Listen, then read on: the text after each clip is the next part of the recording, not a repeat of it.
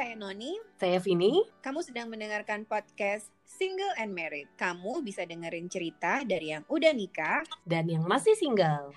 Podcast ini santai banget. Jadi, kamu bisa dengerin sambil nyetir, masak, dandan, nyiram bunga, sepedaan, olahraga, atau terserah kamu deh. Semoga podcast ini bisa menghibur dan bikin kamu nggak merasa sendirian. Selamat mendengarkan.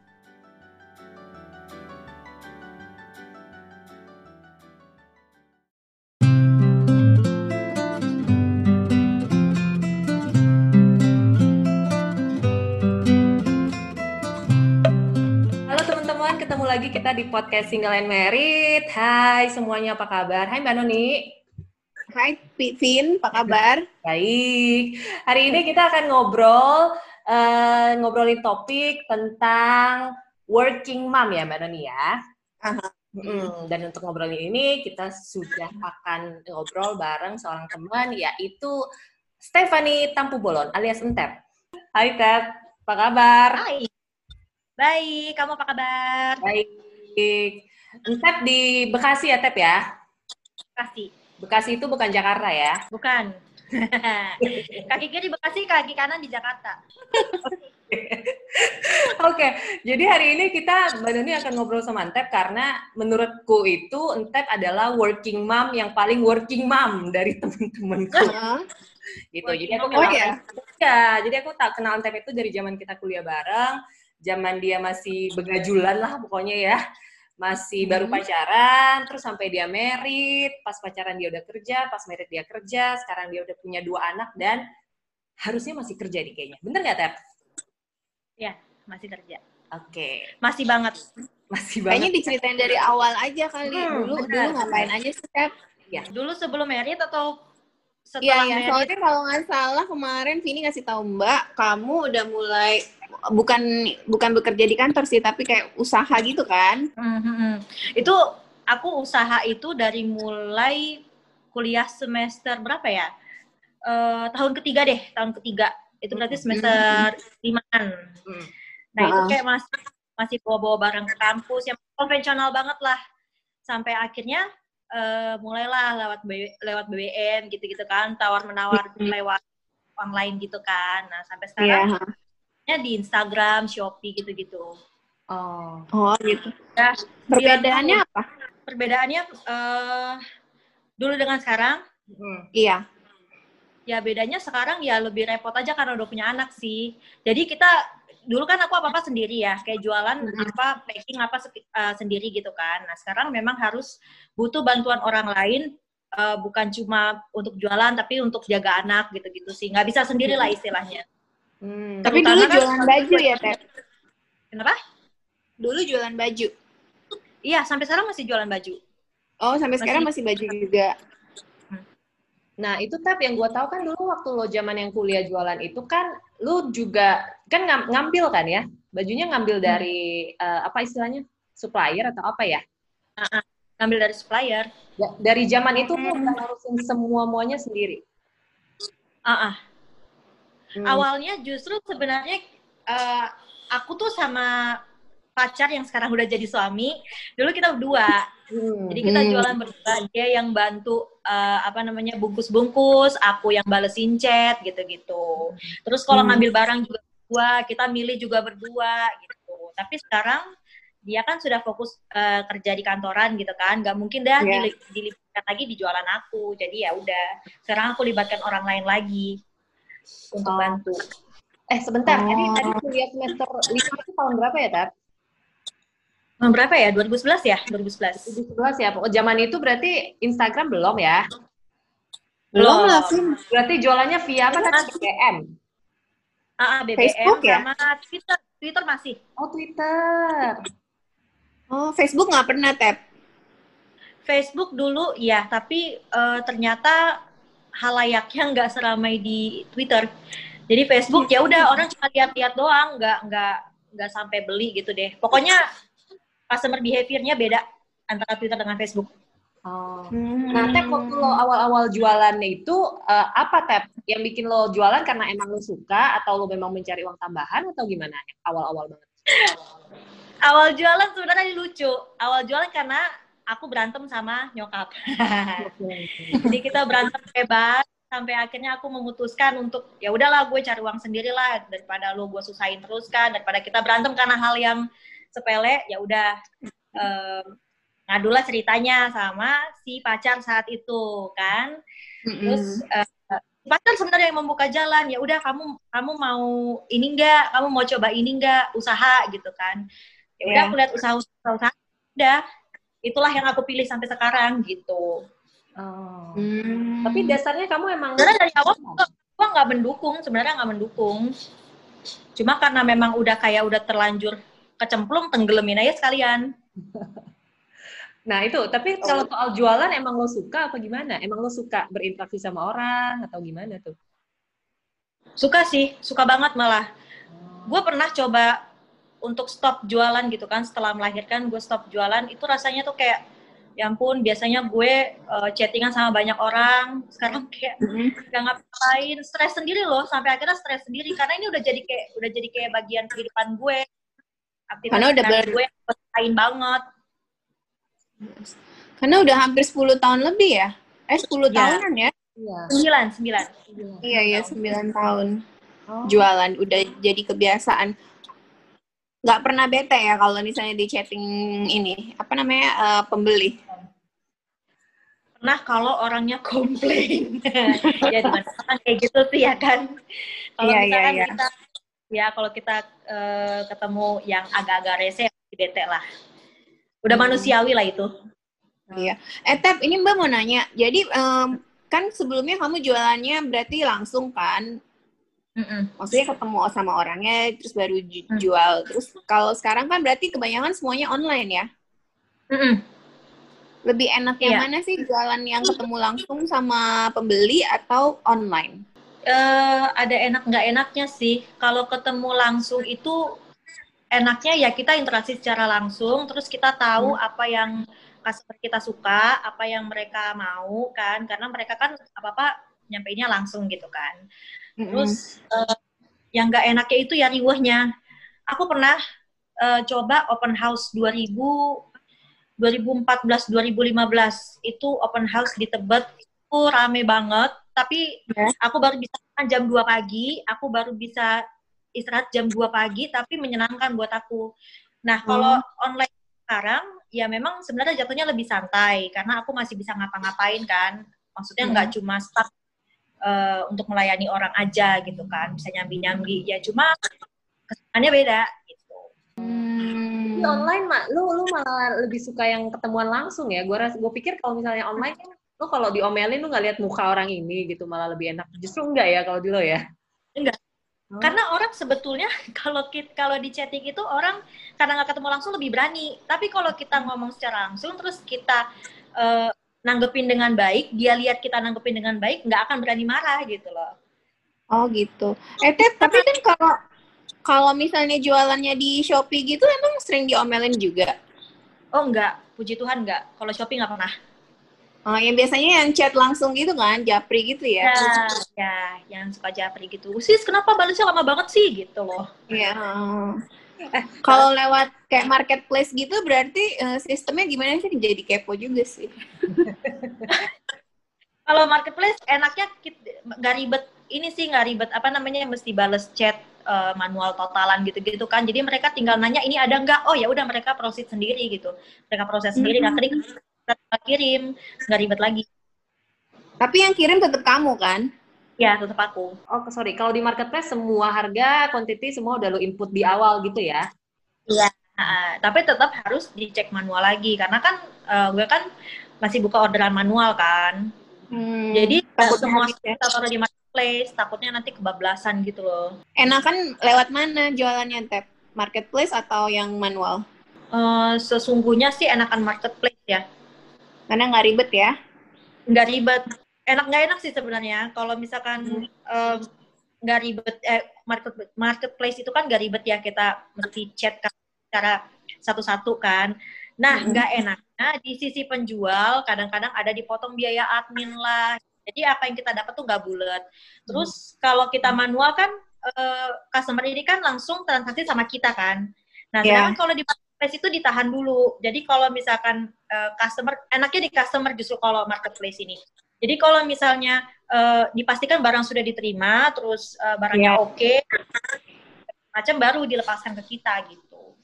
Oh. oh itu ada potongan admin juga ya? Ada.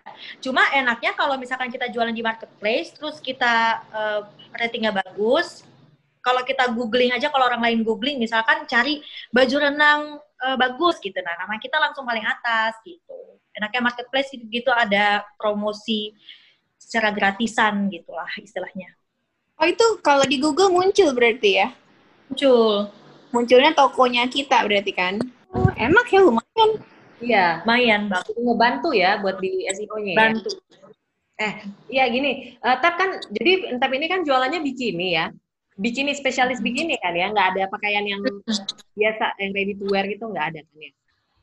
sehari-hari. Nah, Ted, ini yang gue tahu kan lu yang waktu awal-awal kuliah jualan, lu tuh udah sempet jualan, sampai yang beli tuh artis-artis gitu. Di masa itu kan buat approach artis kan nggak gampang ya, nggak kayak sekarang ya Instagram atau apa gitu bisa lu kontak. Nah, waktu itu apa yang lo, lo lakukan sampai bisa ngeling ke mereka gitu?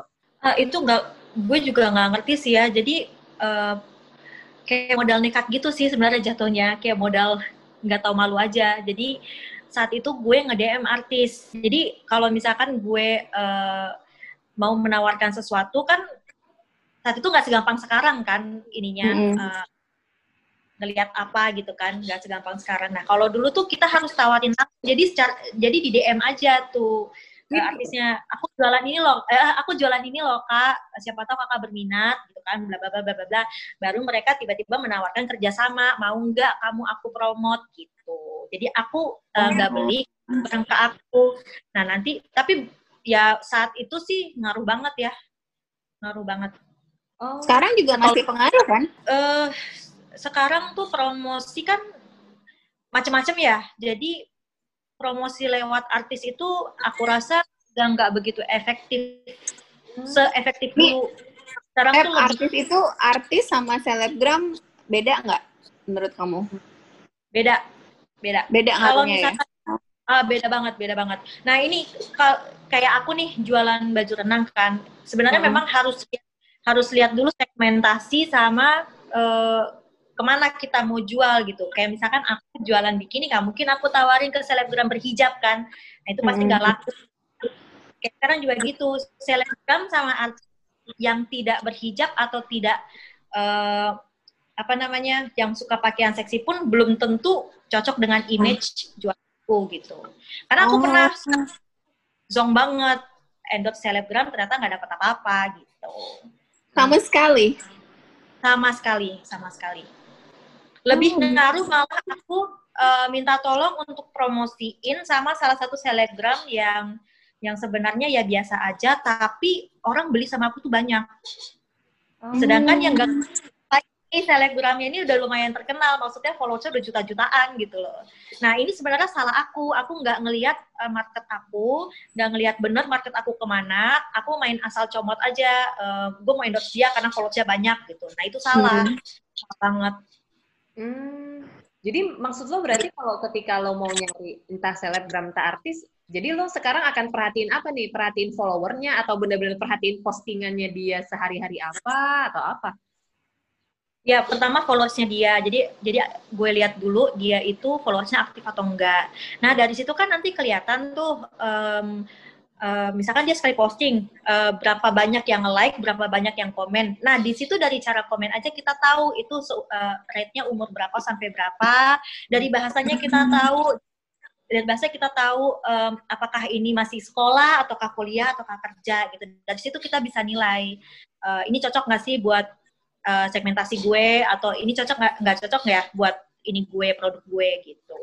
Nah terus uh, ini juga sih image orangnya, misalnya ternyata dia adalah model majalah dewasa misalnya gitu ya. Sedangkan yang gue jual adalah uh, produk yang sporty. Nah itu nggak cocok. Hmm. Jadi sebenarnya eh, nggak uh, pantas juga comot asal comot karena dia seksi doang enggak gitu. Oh. Memang harus pilih-pilih, pilih-pilih. Nah, ini bukan cuma sekedar followers ya, Tep ya? Iya, benar. Karena kita pun kalau kita mau endorse image produk dan image uh, apa online shop kita tuh pengaruh banget. Hmm. hmm. Oke. Okay. Nah, ini ini ini semua nih lo bener-bener pelajarin dari learning by doing atau lo sempet kayak ah karena gue mau nekunin ini gue ambil kelas apa deh digital marketing atau apa gitu lo lakuin gak sih? Sesungguhnya ini tuh gue pelajarin dari kuliah. Oh berguna juga kuliah kita. berguna banget, itu berguna banget. Gue bersyukur banget gue kuliah saat itu. Gue nggak menyangka ternyata apa yang gue pelajarin di kuliah itu ngaruh sam sampai sekarang gitu loh. Okay. Benar-benar hmm. ngaruh banget dulu. Dulu saat semester kalau dibilang apa kompetitif edge apa ini keunikan produk kamu bla bla bla bla bla bla sampai akhirnya gue jualan dan gue ngerti oh baru paham gitu loh oh ternyata dosen itu ngomong begini begini begini karena ini hmm. karena persaingan semakin banyak kita harus benar-benar tahu seluk beluk produknya kita gitu oh jadi lu nggak pernah ngambil kelas tambahan kelas online atau apa gitu ya Wow. Ya paling kelas tambahan seminar-seminar doang sih, maksudnya oh, yang kayak ya? seminar misalkan mengelola uh, mengelola apa namanya uh, usaha kamu, mengelola online shop kamu gitu. Gitu-gitu doang sih, maksudnya bukan yang ngambil kuliah lagi enggak. Terus kan sekarang udah punya anak tuh, gimana kamu cara bagi waktunya kerja? Sebenarnya kerja di rumah tuh lebih sibuk kan katanya daripada kerja kantoran. Wah, lu usah ditanya 24 jam nonstop. Iya. Anak lu umur berapa kan? Yang pertama. Kenapa? Anak lu umur berapa yang pertama?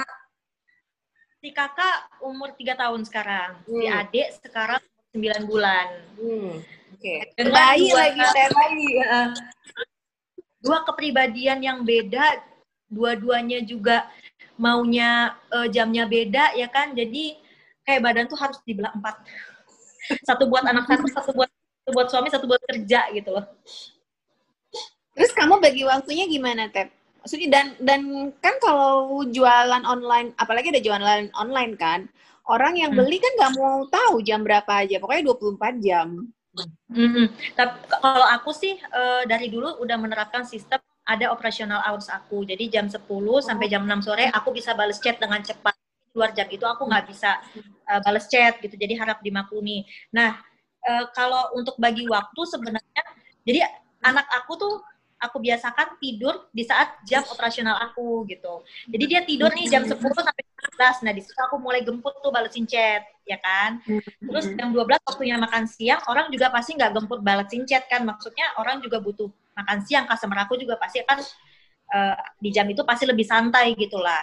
Nah, mm-hmm. ya bagi-bagi waktunya sebenarnya uh, bisa karena biasa sih. Karena aku pelajarin dulu jam-jam sibuknya jam berapa, uh, lalu aku terapkan di anak aku saat uh, apa namanya uh, chatnya nggak sibuk. Nah, di situ kalian boleh deh main sama mama atau kalian boleh minta makan sama mama gitu. Tapi di saat oh. mama kerja, oh, iya. Tapi untungnya mereka ngerti sih. Maksudnya apalagi si kakak kan di saat yang tiga tahun itu lagi aktif-aktifnya ya ya puji Tuhan dia masih bisa ngerti. Hmm. Oh, si uh, Aurora ya namanya. Aurora paham ya, ya mamanya kerja ya. Iya paham. Kalau kata kalau kata dia mama lagi ngepet. Kenapa ngepet? kan cari duit yang ngajarin nih. oh gitu. Ini kalau udah sibuk mamanya main handphone gitu kan terus dipanggil-panggil mama mama gitu kan dia bilang jangan berisik mama lagi ngepet terus sekarang udah ada admin yang bantuin nggak atau tetap nggak ada? Dulu sempat ada tapi kan sekarang pandemi ya. Jadi cuma admin shopee aja yang bantuin. Kalau dulu ada yang packing ada yang apa gitu. Ada yang ada yang balas lain sekarang udah nggak. Tunggu, jadi semuanya aku Admin. Shopee Penjualan berpengaruh nggak pandemi ini? Iya. Kenapa? Penjualan berpengaruh nggak di pandemi ini, Tep? Uh, berat. Jatuh. Harusnya oh, berat ya? banget. Mm -mm. Berapa Karena persen dropnya? Kenapa? Berapa persen dropnya? Aku sempet uh, awal mulai karantina tuh bulan apa ya? Maret ya? Maret ke Mei sama sekali nggak ada pemasukan. Karena orang nggak bisa ke mana-mana. Hmm. Iya, yeah. karena orang nggak bisa ke mana-mana kan. Jadi buat apa beli bikini gitu kan? Mendingan gue buat beli bahan makanan misalnya gitu kan.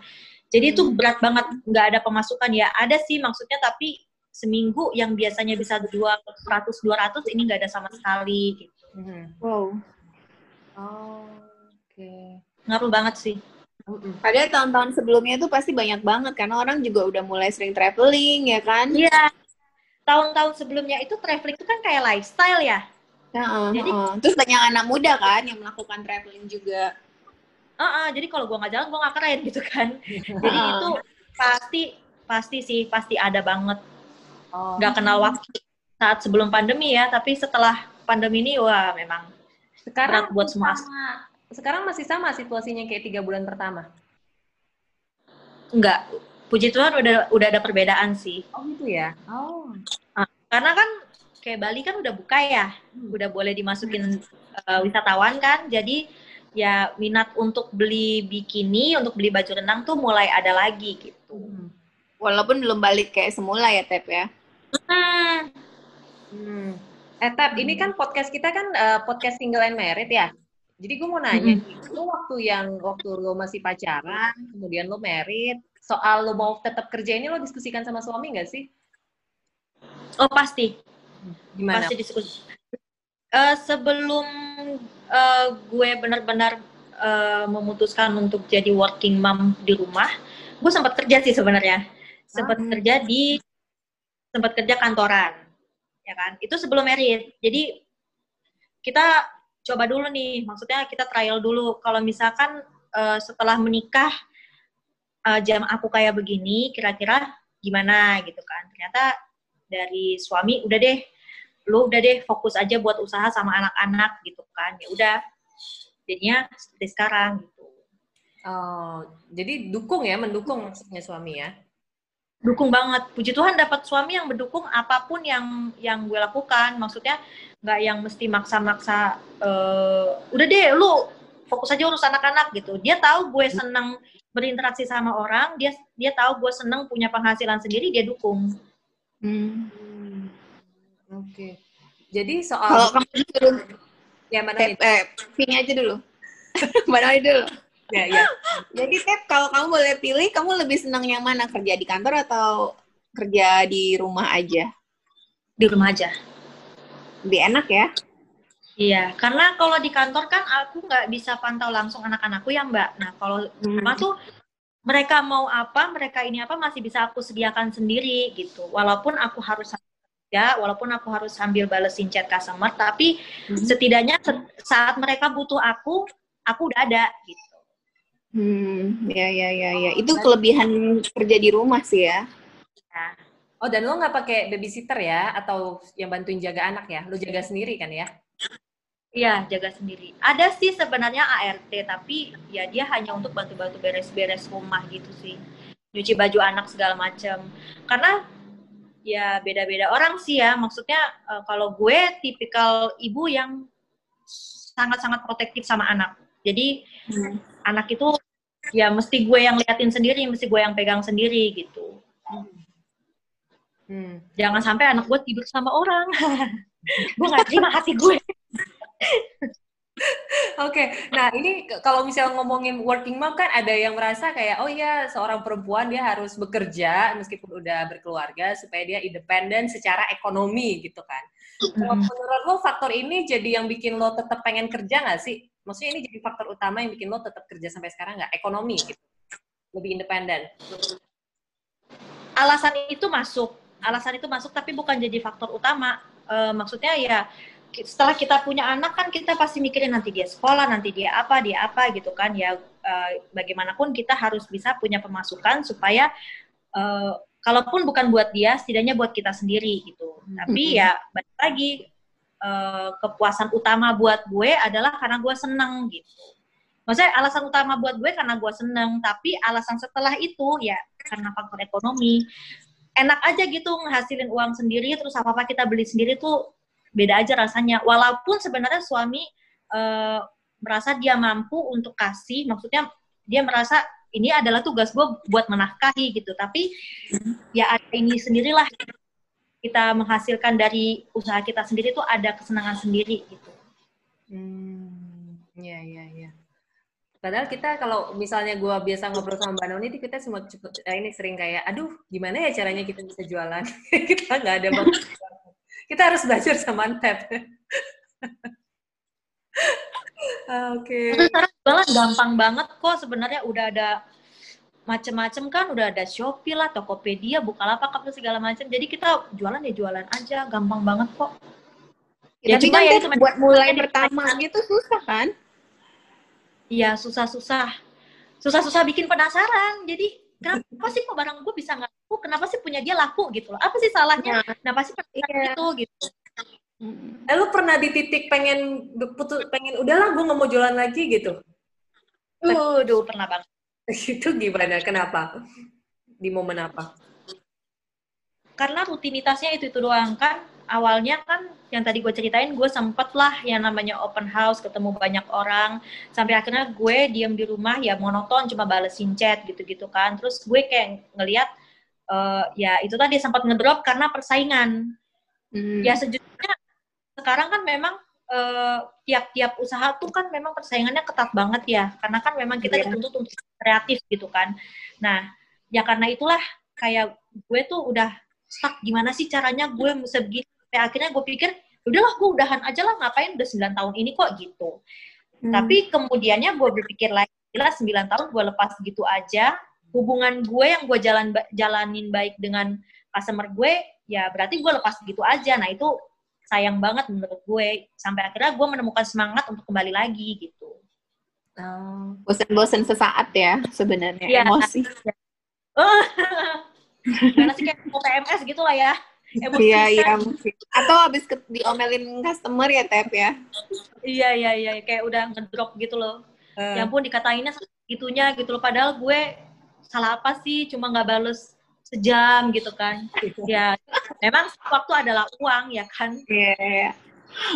eh, kadang-kadang mungkin kalau kita customer khawatirnya karena udah transfer terus nggak ada jawaban. Jadi mungkin khawatir kali kan pembeli ya, atau dia juga mau pakai buru-buru jadi uh-uh. uh, kehabisan kan sis balas dong chat aku gitu loh padahal dia sebenarnya kalau spamming chat itu memperlama proses pembalasan chatnya kan hmm Oh. Makin ketumpuk ke atas. Kalau dia ngechat baru kan ke atas, ke atas, ke atas. Sedangkan kita harus dari bawah, harus adil kan. Karena yang bawah hmm. itu yang dulu gitu. Oh gitu ya. Hmm. Eh, padahal tuh Pin kalau kita jualan. eh cuman ini loh, aku tuh masih kayak suka amaze gitu. Entar kan memilih baju renang, kita tuh kayak nggak pernah kepikiran baju renang adalah sesuatu yang bisa kita jual untuk 9 tahun dan tetap jalan gitu loh karena kan ini kayak bukan sesuatu yang sering kita pakai tapi di lo ternyata jalan ya Tep ya sebanyak itu hmm. orang pengen beli baju renang Iya, sebenarnya kalau pikir-pikir iya juga sih ya. Kenapa 9 tahun bikini itu yang bukan sebagai kebutuhan sandang, kenapa masih bisa jalan gitu. Tapi enggak, gue pernah dapat uh, eh, advice dari si uh, adalah salah satu artis alumni kampus kita dulu, hmm. inisialnya NC. Satu dia bilang gini, Hah? Oh, ya Nadine Chandrawinata. Jadi gue pernah uh, dia pernah datang ke showroom kan, hmm. pernah uh, datang ke open house. Terus dia bilang gini, uh, satu dia customer terakhir gue tuh udah malam banget. Dia sama teman-temannya. Terus dia bilang gini, uh, kamu tetap kamu tetap jualan.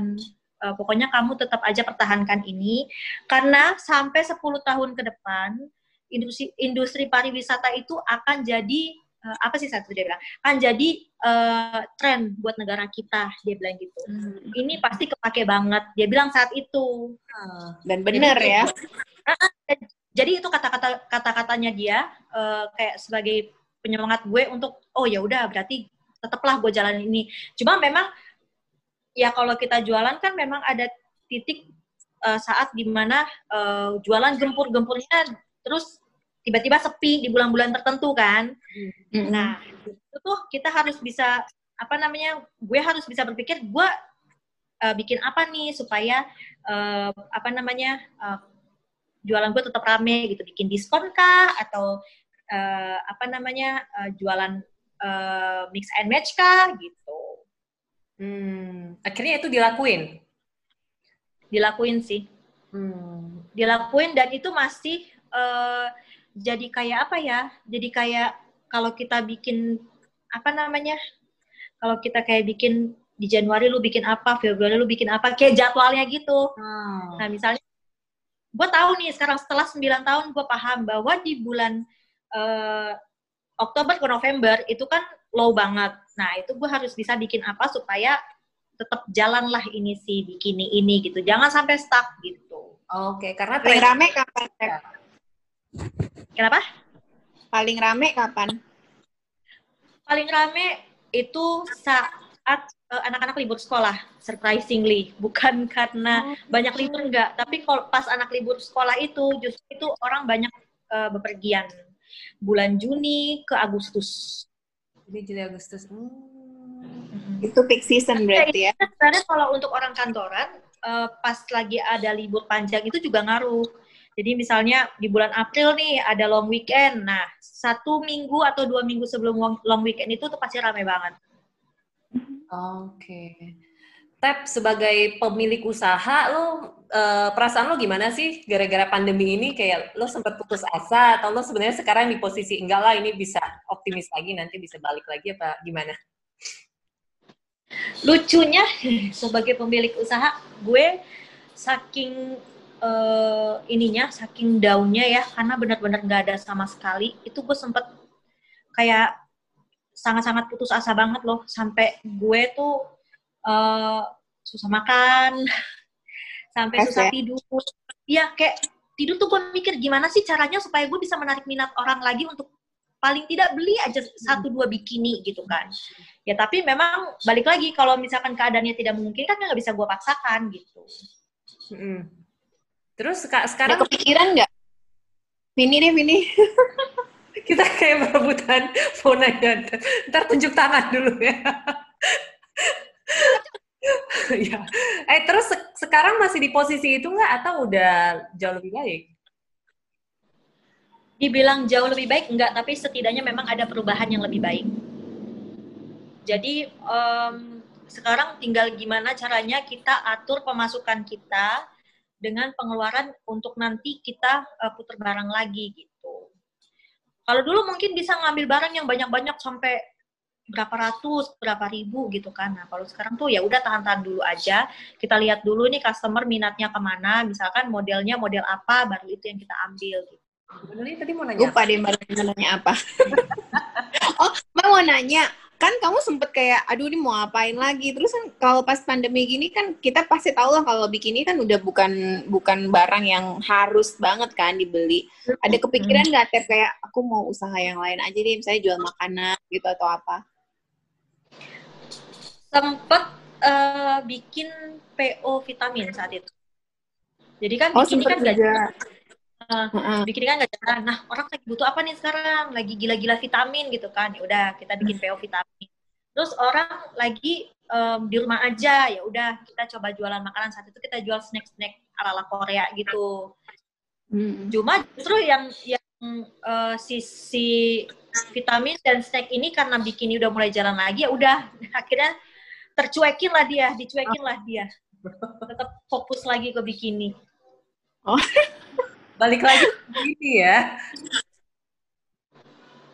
karena di bikini kan memang udah udah banyak customer yang udah gimana ya kayak udah langganan banget gitu kan hmm. jadi ya itu sih yang harus di yang harus dipertahankan gitu iya terus kamu udah pemain lama juga kan hmm. Hmm. tahun ya lumayan lah lumayan sama lah tuh dari dari mulai Instagram kayaknya belum se booming ini. Du, tahun itu tuh kayaknya Instagram masih ada di iOS doang, belum ada di Android deh. Mm -hmm. Iya. 2012 main Instagram. Iya, itu makanya. Tapi kamu udah cuma upload gitu doang sih. Maksudnya uh, dulu kan Instagram kan memang bukan untuk platform jualan kan. Maksudnya mm -hmm. emang untuk lucu-lucuan doang. Nah, saat itu tuh kayak ah lucu nih ada ada foto bikini yang gue ambil bagus nih upload eh ternyata hmm. malah menarik customer untuk lihat gitu di komen hmm. sama orang ini kamu hal gitu. Dan Mbak Nuni akunnya Entep ini yang bikini itu juga dia protek ya Tep ya? Nggak nggak lo buka publik kan? Masih ya masih di masih di private?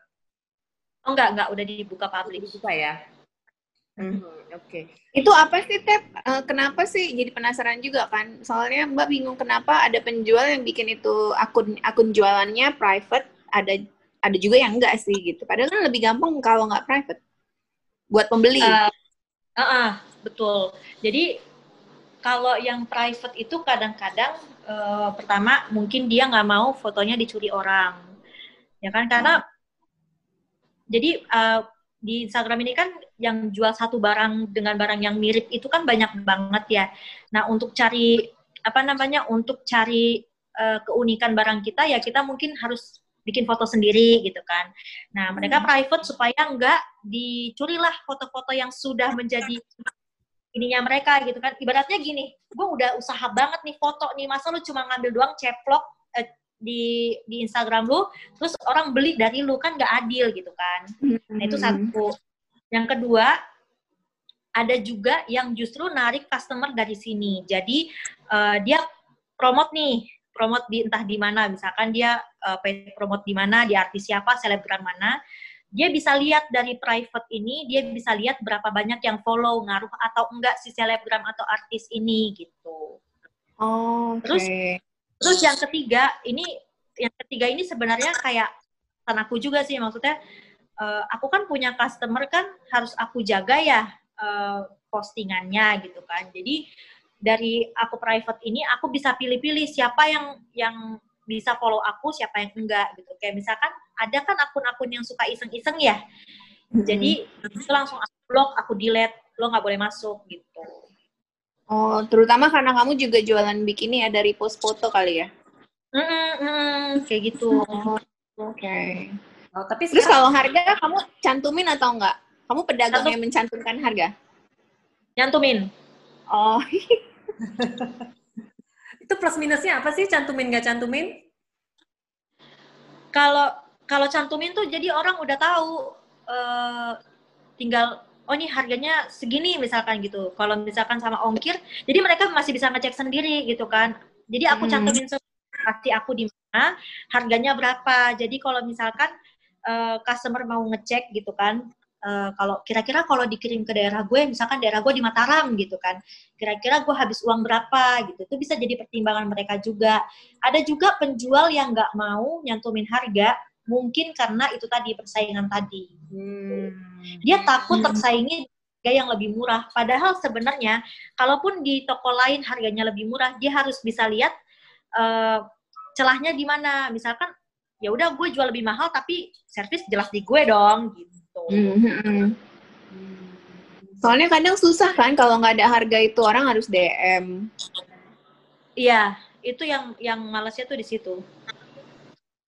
Karena aku juga kalau di posisi sebagai customer ya ngelihat barang nggak ada ininya, nggak ada harganya, ya jujur aja udah malas belanja. Iya, karena kan kadang nggak enak hati juga kan, udah nanya, udah ngobrol-ngobrol, ternyata nggak cocok harga, misalnya kayak gitu. Iya, heeh. Hmm.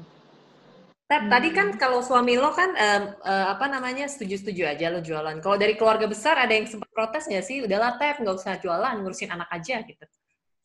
Itu tadi mamaku sama ya mamaku sih sebenarnya yang paling berat. Kalau papaku tuh tipe orang yang ya udah selama bisa bertanggung jawab ya udah lo jalanin gitu. Hmm. nah kalau mamaku tipe orang yang um, masih apa ya dibilang ya uh, masih kepengen kita menganut nilai-nilai zaman dulu gitu. Oh. jadi kalau lu yang lu mau kerja mau kerja ya baiknya lu kerja kantoran aja nggak usah kerja uh, dagang gitu.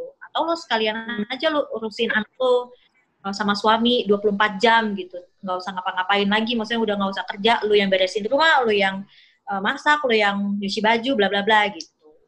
Sampai sekarang nah, tapi kan gitu? Iya uh, uh, tapi kan ya itu tadi. Maksudnya gimana caranya kita bisa menjelaskan sama orang tua nilai-nilai itu tuh udah nggak kepake lagi sekarang gitu. Hmm. walaupun sebenarnya itu baik tapi lebih baik lagi kalau kita bisa bagi waktu kita bantu untuk uh, apa namanya uh, bantu untuk ekonomi di keluarga kita gitu. Hmm. Toh juga itu kan perlu untuk sekolah iya. anak lah, baju anak lah gitu kan. Hmm. Akhirnya udah nggak di, di, direcokin lagi sama nyokap? Ya tidak ada orang tua yang tidak merecoki anak sih ya kan. Jadi komentar-komentar itu masih ada, tapi ya sudahlah. Maksudnya kita sudah pernah menjelaskan hmm. kalau menurut beliau hal yang dia anut itu baik ya biarin aja gitu. Hmm. Yang jelas yang jelas bagaimana kita ke anak-anak aja. Kalau misalkan anak-anak itu e, menurut mereka e, mamanya sudah melakukan hal yang terbaik ya sudah. Tapi anak-anak nggak pernah protes. Kenapa? Kalau anak-anak nggak pernah protes, Tep. Pernah sih, apalagi si kakak, karena si kakak ini kan udah mulai kebagi ya perhatiannya. Uh, mamanya harus jualan, harus mulai apa, harus ngurusin adiknya, kan kadang-kadang dia protes. Mama, kenapa sih mama udah nggak sayang lagi sama Aurora gitu loh. Padahal sebenarnya nggak begitu keadaannya gitu. Jadi itulah harus kita harus jadi working mom itu harus pinter-pinter gimana caranya kita bisa jelasin sama anak sampai kena ke hatinya gitu. Mm -hmm. hmm. Terus pas pandemi gini kan online school tuh jadinya gimana?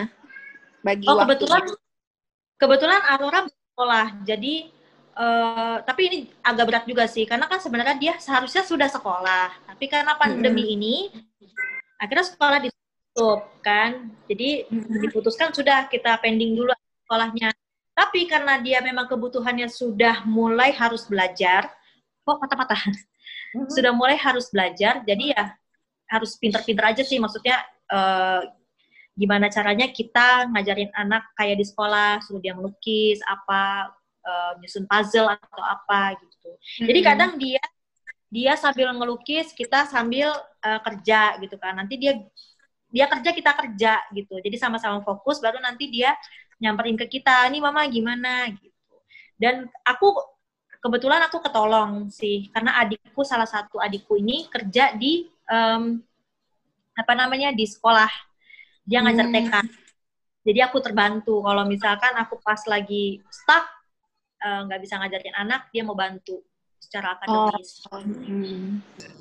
seru seru mbak mbak Noni ada pertanyaan lagi nggak buat Entap Kayaknya pertanyaannya nanti tentang jualan online terus.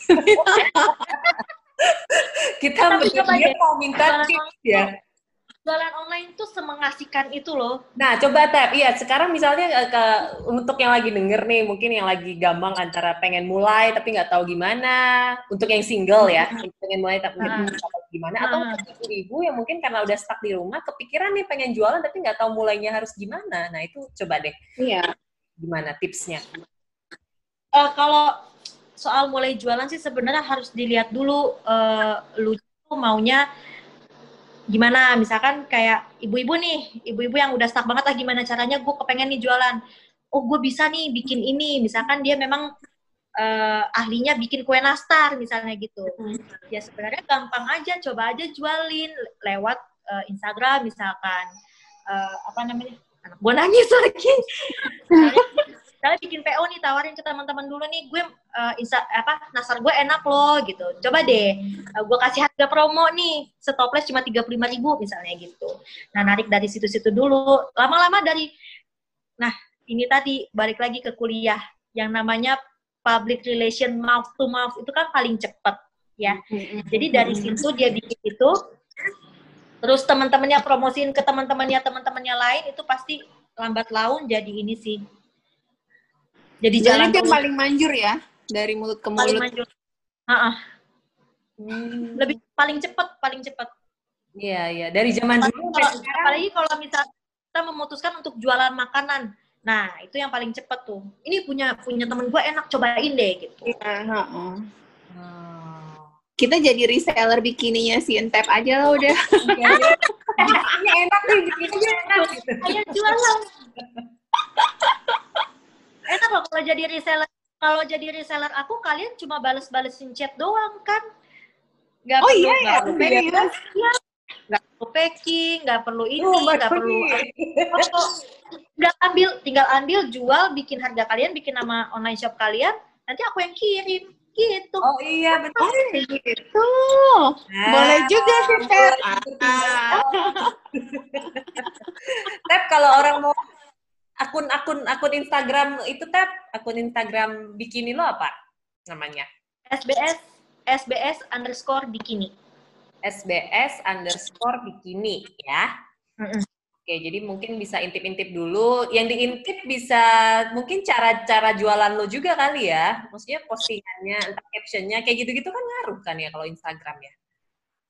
Iya, ngaruh sih. Tapi sebenarnya kalau kayak jualan gue, lo bikin it's uh, lo bikin caption yang terlalu panjang uh, jadinya orang nggak nggak begitu tertarik gitu oh Karena orang sebenarnya malas baca, Vin. Hmm. Ah, tapi kecuali kalau misalkan lu mau menjelaskan uh, model yang terbaru banget nih, ah. kayak kemarin hmm. uh, gue lagi ada yang namanya romper swimsuit. Jadi modelnya one piece itu, terus ada celananya gitu nyambung. Nah itu lu bikin penjelasan panjang lebar orang pasti baca karena orang penasaran kan apa sih ini model barunya gitu. Tapi kalau misalkan uh, udah model-model lama kayak two piece atau one piece biasa ya udah orang cuma pengen tahu size-nya apa, harganya berapa, selesai gitu. Oke. Okay. Hmm, paling kalau pengen tahu ada busa atau enggak ya itu ya sebenarnya udah udah ada kadang kita udah tulis di caption nih tulisannya gede-gede tanpa busa gitu orang masih tanya sis ada busa nggak ya Orang malas Untuk apa aku masukkan di situ kalau kau masih bertanya? Tempelin tulisan busanya di foto. Boleh nggak? Jelek ya? Tapi itu beneran loh. Ya. Memang harusnya di Kenapa ya orang gitu? Jangan tanya lagi. ada kan yang galak begitu? Ada, ada banget. Ada penjual ada yang galak, jangan tanya-tanya ya. Yang udah ada, apa iya. budayakan membaca. Membaca. no yes, nobla, nobla, nobla. Gak sih, kalau sama ownernya SBS, ini kok, apa namanya, uh, fleksibel. Lu mau tuker boleh, asal ketahuan salah gua di mana, gitu kan. Oh, oh gitu. Jadi kalau ini mesti... Gak, ownernya SBS gak galak kok, gak galak bener. Nah itu maksudnya. lo kan kelihatannya kalau aslinya ketemu kan kayak galak gitu. Berarti lo kalau di, jadi admin tuh lo ramah banget ya? Be, jari gue jadi gue tidak segalak muka gue. Jadi gue bener-bener lembut banget ya ampun. Kalah pantat bayi ini untung jarinya lembut. Duit soalnya ya Tep. Kadang-kadang gitu waktu waktu yang open house itu ih gila nih penjualnya jutek banget. Padahal enggak karena gue ya Allah gue capek banget dari pagi ketemu pagi gitu kan. Tapi kalau lewat chat ya ampun. Gue hmm. tidak semenyeramkan itu kok Hmm. Tapi kalau bazar-bazar gitu kamu suka ikut nggak? Enggak. Pernah oh, sekali ya? ikut, pernah sekali ikut ya. Uh, tapi kayak nggak worth it gitu sih. Jadi mendingan open house aja deh. Lebih enak uh, kita cuma lebih enak cuma kalangan kita doang yang tahu ketimbang uh, orang umum tiba-tiba datang uh, terus kayak baru kenal sama online shop kita terus kayak ya udah gitu aja gitu. Lebih enak kalau kita yang invite uh, orang-orang yang ada di followers uh, aku langsung. Maksudnya uh, hanya untuk circle aku. Baru nanti mereka tawarin ke yang lain ke yang lain itu terserah deh. Dibandingkan dengan orang yang lalu lalang lalu lalang itu biasanya malah nggak beli. Oh. jadi jatuh kita bayar bazar nih kita bayar mahal nih untuk stand untuk untuk waktu untuk apa untuk kurirnya. Tapi apa yang kita dapat ya nggak sebanding. Mendingan kita bikin di rumah, open house, orang lain ajak temennya, temennya ajak temennya lagi, lebih efektif gitu. Karena mereka pasti beli. Hmm. Oh, karena memang niatnya beli, makanya mau datang ya. Nah, iya. Hmm, hmm, bukan maksudnya bukan orang yang mau cuci mata terus lihat gitu. Hmm. Cukup ya Mbak Doni ya? Ya Jadi nanti kita buka sesi. Jualan. ya nanti makanya jadi seller kamu aja. boleh loh, boleh loh. Nah itu loh setelah setelah nggak ada covid ya, step. Iya, biar ini biar berasa jualannya. Iya, iya, iya benar. Boleh lah. Kurang lagi baru baru orang akan datang dengan sendirinya boro-boro datang dengan sendirinya. Kadang kayak jelangkung datang tapi jemput pulang tadi antar ya kan? Eh mbak Doni tahu kita tuh sampai lupa gue mau nanya kemarin kan gue ngobrolin mau ngobrolin soal open trip ya. Itu jalan gak sih Ted? Sempat open trip? Oh iya. Belum. Itu oh. sebenarnya masih tahap uh, masih tahap. Jadi kita mau bikin open trip itu bukan open trip yang yang udah-udah. Jadi sebenarnya kita mau bikin secara digital gitu kan. Jadi nggak ada lagi tuh kita nanya sama orang sama tour atau apa kita yang pilih sendiri lewat handphone. Apakah lu mau lewat uh, lu mau pakai tour? Misalkan lu mau ke Bali misalnya gitu. Apakah lu mau pakai tour ataukah lu mau jalan sendiri? Kalau mau pakai tour kita sediakan nih pilihannya ini ini ini ini ini gitu. Tapi kalau lu mau jalan sendiri kita sediakan juga misalnya uh, apa uh, rental kendaraan yang recommended gitu, restoran yang recommended. Sebenarnya sedikit banyak mirip sama Trip Advisor, tapi bedanya kita tuh kayak ngasih notifikasi sama pengguna. Misalkan dia lagi ada di Bali yang di pelosok-pelosok. Nah, kita kasih notifikasi di 500 meter lagi ada air terjun bagus gitu. Hmm. Kalau di oh. ada gitu. Jadi ini bentuknya seperti app aplikasi dong ya? Ya, uh -uh. rencananya oh. seperti itu. Tapi karena adanya si tante Koronces ini, akhirnya harus depending lah semua, ya kan? Uh, tapi ini rencananya tadinya apa? Mau bikin bareng Brian, suami lo? Karena kan Brian backgroundnya IT yeah. juga ya? Mau bikin berdua ya tadinya? Iya. Yeah. Oke. Okay. Uh, bertiga sih, ada temen juga, satu, dia jago banget desain. Hmm. Jadi kita kerjasama bertiga gitu. Hmm. Jadi pending dulu ini ya? Pending dulu. Sampai uh, kira-kira oke okay lah uh, bisnis travel. Iya. Ya mudah-mudahan tahun depan lah, Tep. Ya mudah-mudahan. Kasihan orang-orang udah butuh piknik sekarang, udah pada stres. iya, bener. Gak usah jauh orang-orang, ini bertiga di sini juga udah pengen piknik. mama satu ini. Nah, mama satu ini juga ya kan? Selama ini selama pandemi piknik, piknik cuma ke swalayan, kasihan loh. Oke. Okay. Entah, terima kasih ya udah ngobrol bareng kita di sini. Terima kasih juga sudah mau mengundang aku. Ya, semoga. Eh, kapan-kapan kita bikin lagi aja bahas gimana caranya memulai online shop bersama Stephanie. Ya kan? Boleh, boleh. Oke, oke. Dan sepenuh jiwa. Hmm. Ya, thank you ya Ted. Moga-moga uh, baju renangnya tetap semakin laris lagi ya dan koronces cepat lewat. Amin. Iya. Semoga yang paling penting itu yang paling yang paling penting koronces selesai, semuanya sehat-sehat walafiat. Mm-hmm. Amin, amin. Amin. Thank makasih you. banyak ya Tep. Sampai ketemu lagi ya. Ya, makasih banyak Mbak Noni. Vini, makasih banyak. Dah. Dah. Ya, itu dia tadi obrolan seru dengan Stefani tentang uh, ibu yang bekerja di ya. kebetulan Stefani bekerja di rumah karena dia adalah uh, pengusaha ya penjual apa sih namanya pedagang online, pedagang online. Ya. Dan serunya karena Entep udah udah ngejalanin ini 9 tahun, jadi kayak kita ngeliatin bedanya gitu ya zaman dari jualan di BBM, Twitter, Instagram dan sekarang tadi kita sempat ngobrolin jualan sekarang itu katanya yang bagus itu via Hmm. Iya. Dan itu tadi yang via TikTok kayak TikTok sampai yang TikTok tuh kayaknya belum nggak masuk rekaman deh ini. Iya benar nggak masuk rekaman. Mungkin nanti kita bisa ajak uh, Tep ngobrol lagi khusus yang hmm. ini ya, yang online shopping masa kini. Iya, karena dia mulainya tadi bahkan sebelum uh, lewat BBM juga udah mulai Vin yang manual hmm. langsung ke pembeli. Gimana Mbak Doni sudah mempertimbangkan ingin mulai menjadi uh, pedagang?